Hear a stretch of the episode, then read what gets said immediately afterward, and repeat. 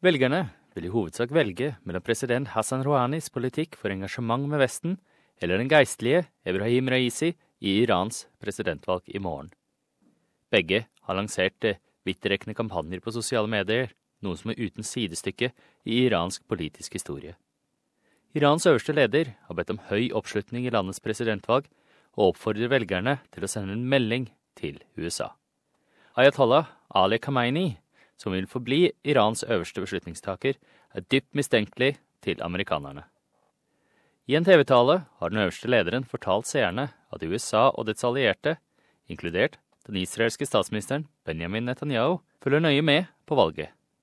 مسئولان کشورها از دستگاه های دولتی آمریکا شما بگیرید Officials of other countries, from the US to European powers and countries, governments in this region that are followers of America, as well as the pathetic Prime Minister of the Zionist regime of Israel, all of them are watching closely to see how and to what extent you will turn out on Friday. Spenninger mellom Iran og USA økte etter at den nyvalgte amerikanske presidenten Donald Trump begynte å innføre begrensede straffer på Iran over landets atomprogram.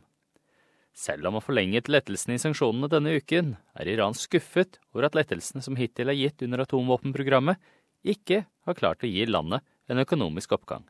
Og økonomien viser seg å være et sentralt tema for iranske velgere, med en ledighet på rundt 13% og én av tre unge uten jobb. Rouhani, som overleget vant for fire år siden, har lagt vekt på hans løpende forpliktelse til å redusere Irans internasjonale isolasjon og forbedre økonomien. If we want a better economy, we should encourage free competition in the country. We should give opportunities to the private sector. We should not let groups with security and political backing get involved in the economy.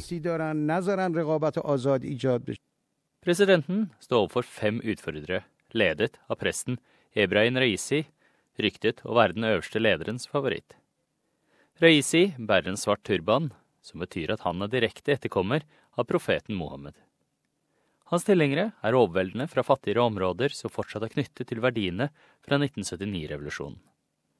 I en sterk kontrast til de blandende, ungdommelige valgarrangementene på fulle stadier for Rouhani, er kjønnene strengt atskilt på Raisis samlinger, og nesten alle kvinner bærer den tradisjonelle chadoren. I en tale til tilhengerne denne uken benektet Raisi påstander om at han vil ta landet bakover hvis han vinner. They accuse us and say we're going to move the country backwards. We announce there will be no going backwards, no tolerance of the current situation, but change to the benefit of the people. Både Rouhani og Risi har lansert kampanjer på sosiale medier som er enestående i den iranske politiske historien. Den mest populære plattformen er Telegram, en liten chattjenesteaktør i de fleste vestlige land, men som angivelig har rundt 20 millioner brukere i Iran. Telegram lar brukerne sette opp kanaler for å kringkaste bilder, videoer og andre meldinger til store følgerskarer. Spesielt for iranske reformatorer gir det en måte å få ut meldinger på som ellers ville vært forstyrret sensur. Iran har en ung, teknologisk kunnskapsrik befolkning. Omtrent 60% av landets 80 millioner mennesker er under 30 år. Denne maten, en supporter på Rohinis valgsenter, sier at yngre mennesker er mye mindre tilbøyelige til å venne seg til de tradisjonelle medier for nyheter.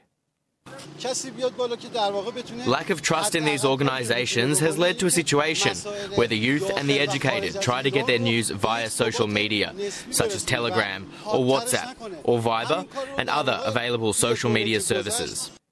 I Melbourne sier analytikeren Sharam Aparsarei ved Deakin University at valgresultatet kommer til å bli tett.